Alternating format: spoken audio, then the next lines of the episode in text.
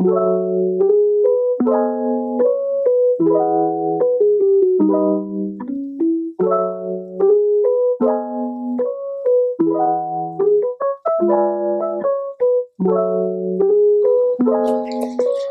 salam cuan semuanya. Selamat datang di Kasep Podcast episode kedua. Aku Daniel dengan Faustin yang akan memandu podcast ini yang berjudul Belajar Investasi Saham dari Nol bersama dengan Mirai Aset. Nah, kali ini kami nggak akan sendirian nih buat bahas-bahas hal-hal mengenai praktik investasi. Kami udah ditemani dengan Pak Ilham Muslim. Ia adalah senior area manager di Mirai Aset yang akan sharing-sharing dengan kita nih. Nah, sebelum masuk ke topik pembahasannya, mungkin aku mau review sedikit nih uh, kaset podcast episode pertama. Jadi di situ sebenarnya udah dibahas uh, tentang hal-hal yang harus diketahui sebelum berinvestasi, pengertian investasi, perbedaan dengan judi, dan mengapa investasi itu penting. Nah, mungkin uh, tanpa berbahasa-bahasa lagi, kita bisa langsung masuk ke topik pembicaranya ya. Tanya ke Bapak nih. Sebelumnya, yang episode yang lalu itu sebenarnya bahas investasi itu uh, yang dilakukan uh, oleh pemula gitu. Nah, kira-kira investasi itu aman nggak sih Pak kalau misalnya udah pakai perlindungan apa-apa? Istilahnya langsung terjun ke lapangan tanpa bantuan apa pun gitu. Oh, oke. Okay. Sebenarnya kalau dibilang aman atau enggak kalau kita nggak ada bantuan atau nggak ada landasan knowledge sebenarnya nggak aman ya. Maksudnya itu aman begini. Kalau kita nggak punya pengetahuan yang cukup ketika kita ingin investasi ya pastinya akan lebih banyak resikonya dibandingin profitnya nanti itu pertama terus kedua juga kalau kita mau investasi melalui eh, sebuah perusahaan ya sebagai fasilitatornya tentunya kan sebagai jembatannya ya kita juga harus uh, cross check juga ya cek si perusahaan ini memang sudah terdaftar legalitasnya atau belum. Mungkin seperti itu ya, Pastina. Berarti uh, saya dengar itu sebenarnya ada yang namanya sekuritas ya Pak ya? Kalau misalnya sekuritas itu apa sih Pak? Oh, Oke, okay. ya betul ada namanya sekuritas. Nah karena kalau di dunia saham ya yang lebih spesifiknya itu disebutnya sekuritas. Apa sih sekuritas itu ya? Sekuritas itu adalah uh, pihak yang telah mendapatkan izin ya dari OJK untuk melakukan uh, sebuah kegiatan usaha sebagai perantara perdagangan efek. Nah, bisa juga ada yang sebagai penjamin emisi efek atau kegiatan lain yang sesuai dengan ketentuan yang ditetapkan oleh pengawas pasar modal. Kan Bapak uh, hadir di sini mewakili Mirai Aset ya. Uh, jadi ya, kami mau tahu uh, Mirai Aset itu sebenarnya apa sih? Sekuritas yang kayak gimana gitu Pak? Oh, Oke, okay. Mirai Aset ini uh, kita itu sebagai grup keuangan global ya ya, karena kami itu mengajar keunggulan dan manajemen investasi untuk membantu klien kita nih mencapai tujuan jangka panjang mereka. Nah, sedangkan nilai aset sendiri itu beroperasi di Indonesia sejak tahun 2003. Itu dulu namanya e-trading securities. Ya. Pada saat kita beroperasi di Indonesia, kita pun menjadi pionir uh, yang memiliki online trading pertama kali di Indonesia dengan sistem yang kita beri nama HOT, ya, katanya Home Online Trading System 2013 kita ada perubahan nama menjadi Debu Securities. Selang tiga tahun kemudian di 2016 akhir eh, kita berubah lagi perubahan nama menjadi Mirai Aset Sekuritas Indonesia sampai dengan saat ini. Dan Mirai Aset juga eh, saat ini kita itu mayoritas menduduki peringkat pertama ya sebagai broker untuk frekuensi, volume, dan value yang di mana kurang lebih broker di sekuritas itu ada satu sekuritas. Nah, Aset yang pertama. Dan kita juga memiliki kantor atau galeri yang tersebar di Indonesia kurang lebih ada 30 galeri yang siap membantu uh, para nasabah atau investor yang ingin uh, buka rekening saham atau ingin mengetahui pengetahuan tentang uh, saham. Uh, saya penasaran sih Pak mengenai teknis dari sekuritas Mirai Aset itu sendiri. Gimana sih cara kerja Mirai Aset seperti keamanannya, seperti apakah benar kata Bapak udah disetujui OJK atau belum, uh, kita tahu bahwa saham yang dikelola juga gimana cara kerjanya di Mira Asset itu sendiri. Jadi uh, bisa jelasin nggak Pak uh, cara kerja di Mira Asset itu sendiri? Apakah itu sama seperti yang lain atau ada yang sesuatu yang lebih menonjol gitu? Oke, okay. kalau untuk keamanan ya sudah pasti di Mira Asset aman ya karena sudah terdaftar di OJK.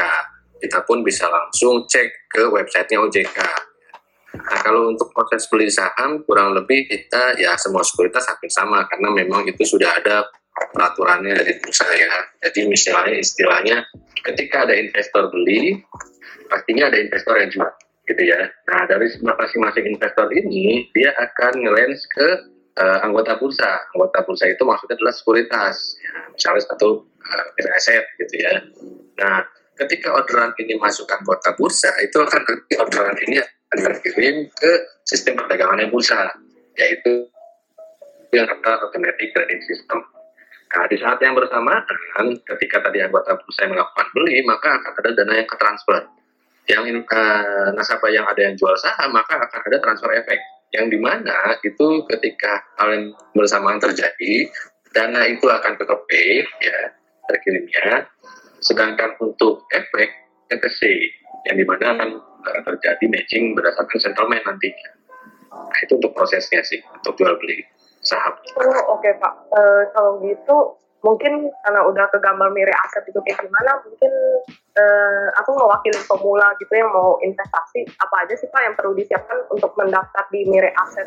Oke, okay, untuk daftar akun di mirip aset pastinya yang paling pertama kita wajib punya uangnya dulu ya ada uangnya apa enggak nih sebelum ketentuan data dokumen yang kita siapkan gitu ya. Nah, oke. Okay jadi kita hanya mengisi dokumen form untuk uh, pembukaan rekening saham di Mirai Aset ya. Itu bisa melalui online kalau memang sudah punya tabungan BCA ya. tapi kalau memang tidak punya tabungan BCA kita bisa manual isi form gitu ya tanda tangan di atas materai. Nah, dibutuhkan itu ada kopi KTP kopi NPWP jika punya lalu buku tabungan halaman pertama. Hanya itu saja. Kalau untuk pembukaan akun secara manual. Tapi kalau untuk online, selain tiga hal tadi, itu ada tambahan yang, yang ke, ke, keempat itu adalah uh, foto selfie ya, foto selfie uh, wajah kita beserta kita lagi pegang ID card kita. Nah yang berikutnya tambahannya itu adalah uh, tanda tangan. Kita foto tanda tangan kita di kertas putih. Itu kalau untuk yang lain. Kalau untuk manual ada tiga data tadi aja. Oke Pak, uh, kita kan udah dengar uh, beberapa syarat. Kan uh, untuk kita udah ada uangnya.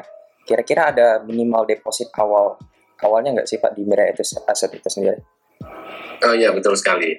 Untuk minimal depositnya sendiri kita ada ya, ya sama seperti mungkin kalau uh, kalau rekan-rekan buka rekening bank. Kalau kita mau buka rekening bank, dia udah punya SOP ya, minimal 500 ribu. Mau nggak mau, kita wajib punya untuk bukanya, gitu kan. Nah, sama dengan di aset, minimal deposit itu 10 juta. Jadi untuk uh, peraturan akunnya 10 juta. Tapi bukan berarti dari 10 juta itu kita wajib untuk beliin saham semua. Enggak, bebas. Kita cuma mau beli saham yang nanti 500 ribu pun itu boleh. gitu. Nah, tapi kalau untuk kalangan mahasiswa sendiri, sebenarnya itu diperbolehkan untuk depositnya under 10 juta. Seperti itu. Oh, kalau misalnya untuk mahasiswa itu berapa Pak bolehnya? Uh, under 10 juta jadi bebas. Jadi kalau untuk karyawan itu memang kita uh, di minimal 10 juta. Tapi kalau untuk mahasiswa ya karena mahasiswa sendiri ini, ini kan pasti uh, dari sisi, uh, sisi materi beda-beda ya. Ada yang mungkin yang sanggup 5 juta, ada mungkin yang cuma sanggup misalnya cuma 3 juta gitu ya. Atau cuma sanggup berapa, itu diperbolehkan. 10 juta diperbolehkan. Oh, berarti enak juga ya kalau misalnya mahasiswa kayak ibaratnya mau belajar investasi itu bisa bebas masukin berapa aja depositnya gitu ya Pak? Iya betul sekali, bisa di under 10 juta atau bahkan kalau misalkan nanti kita kerjasama dengan Mire Aset atau Mire Aset sedang ada program SPM, Sekolah Pasar Modal, itu malah minimal depositnya hanya 100 ribu. Tapi biasanya itu hanya khusus ketika ada event tersebut. Oke, okay. kalau untuk pemula yang memang baru terjun ke pasar modal ya khususnya buka rekening dengan untuk investasi transaksi di saham, ya memang wajibnya untuk pemula jangan terlalu banyak uh, memantau saham. Nah, kita lebih bisa lebih spesifikin lagi dalam artian kita mungkin cukup lihat saham-saham LQ45 aja dulu gitu. Kenapa sih LQ45? Karena dari kurang lebih 700 saham yang sudah ada di pusat kita saat ini, itu ada namanya kategori-kategori ya. Ada IDX 30, ada CII, ada LQ45 gitu. Nah, LQ45 ini dari sekian ratus tadi hanya 45 saham yang masuk ke sana. Nah, singkatan LQ45 itu maksudnya adalah liquid, 45 saham yang liquid. Ya. ya, jadi setiap harinya pasti ada transaksi. Jadi ketika pemula itu kan jangan sampai ketika dia habis beli saham, mau jualan tapi nggak ada yang mau beli gitu. Nah, makanya kebanyakan kita sarankan uh, cobalah untuk prakteknya di LQ45 dulu karena itu pasti ada transaksinya. Jadi kita nggak nggak worry ya ketika udah beli nggak bisa jual nggak seperti itu. Karena udah pasti ada pembelinya ketika kita transaksi di LQ45 gitu. Dan dia untuk LQ45 pun naik turunnya nggak nggak terlalu volatile. Karena nggak terlalu fluktuatif seperti saham-saham lain. Karena kalau di dunia saham itu ada yang disebut mungkin gorengan kalau bahasa uh, umumnya ya. Atau kalau memang spesifiknya sebagai regulator itu disebutnya triliner atau second line seperti itu. Baik, uh, saya nanya pertanyaan selanjutnya, Pak. Kita tahu kita yeah. lagi di zaman kayak pandemi, semua serba ya tidak tahu apa ke depannya gimana. Mungkin bagi pemula kan sebenarnya takut untuk masuk di zaman kayak gini. Mungkin kalau dari perspektif Bapak, mungkin apakah ini suatu kesempatan yang baik atau yang buruk ya Pak di zaman seperti yang ini? Oke, okay. kalau kita lihat maksudnya dari sisi market dengan kondisi uh, saat ini di Indonesia ya, gitu ya. Pada saat kita mau berkecimpung atau mau beli uh, sebuah saham, apakah memang ini momentum yang bagus atau tidak gitu ya? Nah sebenarnya kategorinya gini, kita tinggal lihat tren atau tinggal kita lihat histori sebelumnya gitu ya pada saat ini misalkan contoh saham A di harga seribu gitu ya. nah pada saat pandemi di kurang lebih hampir dua tahun ya Indonesia sudah hampir kena pandemi ya nah kita lihat flashback histori dua tahun yang lalu ternyata saham ini harganya tiga ribu gitu. nah pertanyaannya di tiga ribu itu pasti kan sudah banyak orang yang beli ya nah pada saat sekarang harga seribu market mengatakan ini cukup murah gitu ya jadi ketika kita beli, memang mungkin kita belum mendapatkan potensial gain gitu ya. Tapi kita sudah mendapatkan peluang terlebih dahulu dibandingkan orang yang masuk satu tahun yang lalu. Ya, jadi lebih menguntungkan untuk kita. Tinggal caranya nanti supaya kita memang tidak terjebak dalam keadaan pasar yang mungkin sahamnya ternyata masih mau turun. Nah, ada analisa-analisa yang mungkin harus kita pelajari ya, baik itu dari sisi fundamental ataupun dari analisa teknikal yang di mana hal-hal tersebut tadi disediakan oleh Miri Asset secara gratis. Baik nih Pak, kita sudah nyenggol misalkan saham gorengan nih Pak, kira-kira. Ya. Di Miri Asset sendiri kayak ada apa? Kayak ada SOP tertentu nggak mengenai saham-saham seperti saham-saham gorengan ini?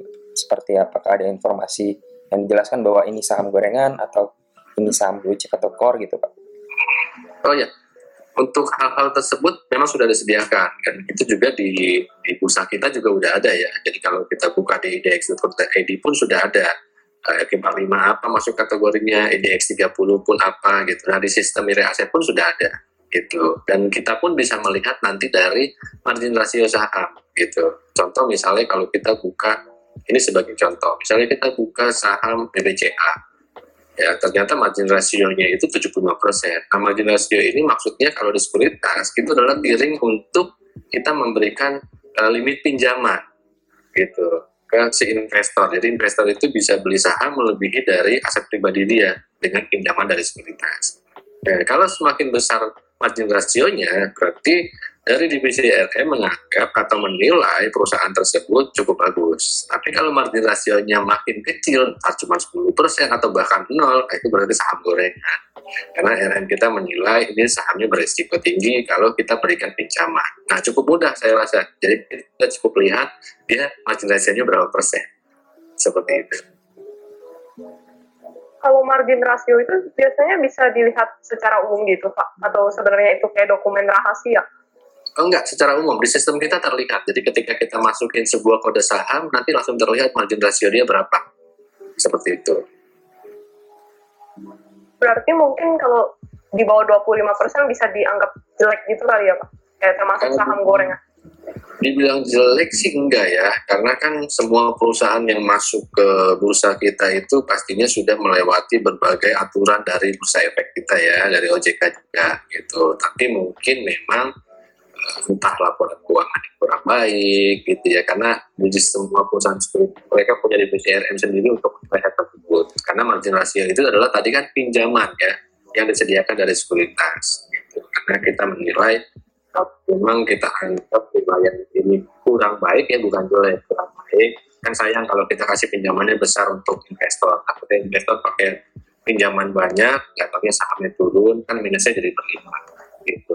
Jadi secara tidak langsung Mirai Aset pun menjaga investor kita biar terus berkembang profitnya, ya, bukan lossnya.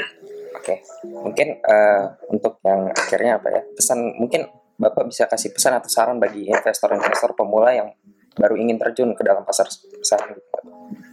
Oke, untuk investor pemula pesan dan saran saya wajib belajar, belajar, belajar. Oke, jadi jangan jangan suka menerima hal yang sudah jadi dalam artian sekarang kan banyak ya komunitas di mana pun telegram yang membahas tentang saham banyak nah, terus banyak nah, ada juga yang istilah sekarang dibilang pom pom ya. Jadi jangan sampai ketika dia masuk di sebuah grup melihat oh ada saham ini direkomendasiin dia main beli aja jangan. Ya. E, berita informasi itu boleh ambil dari mana pun tapi pembelajaran pengetahuan kita harus punya landasan.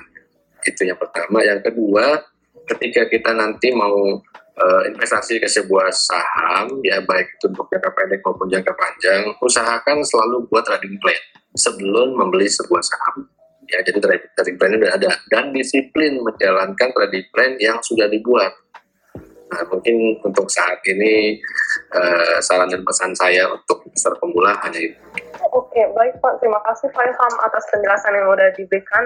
Uh, penjelasannya sangat insightful banget nih Pak. Jadi terima kasih juga Pak. Jadi terima kasih juga Pak Ilham karena telah meluangkan waktunya untuk membahas hal ini. Jadi untuk para pendengar, nantikan penjelasan bermanfaat seputar dunia ekonomi dan pasar modal lainnya pada Konsep Podcast episode selanjutnya. Sampai jumpa.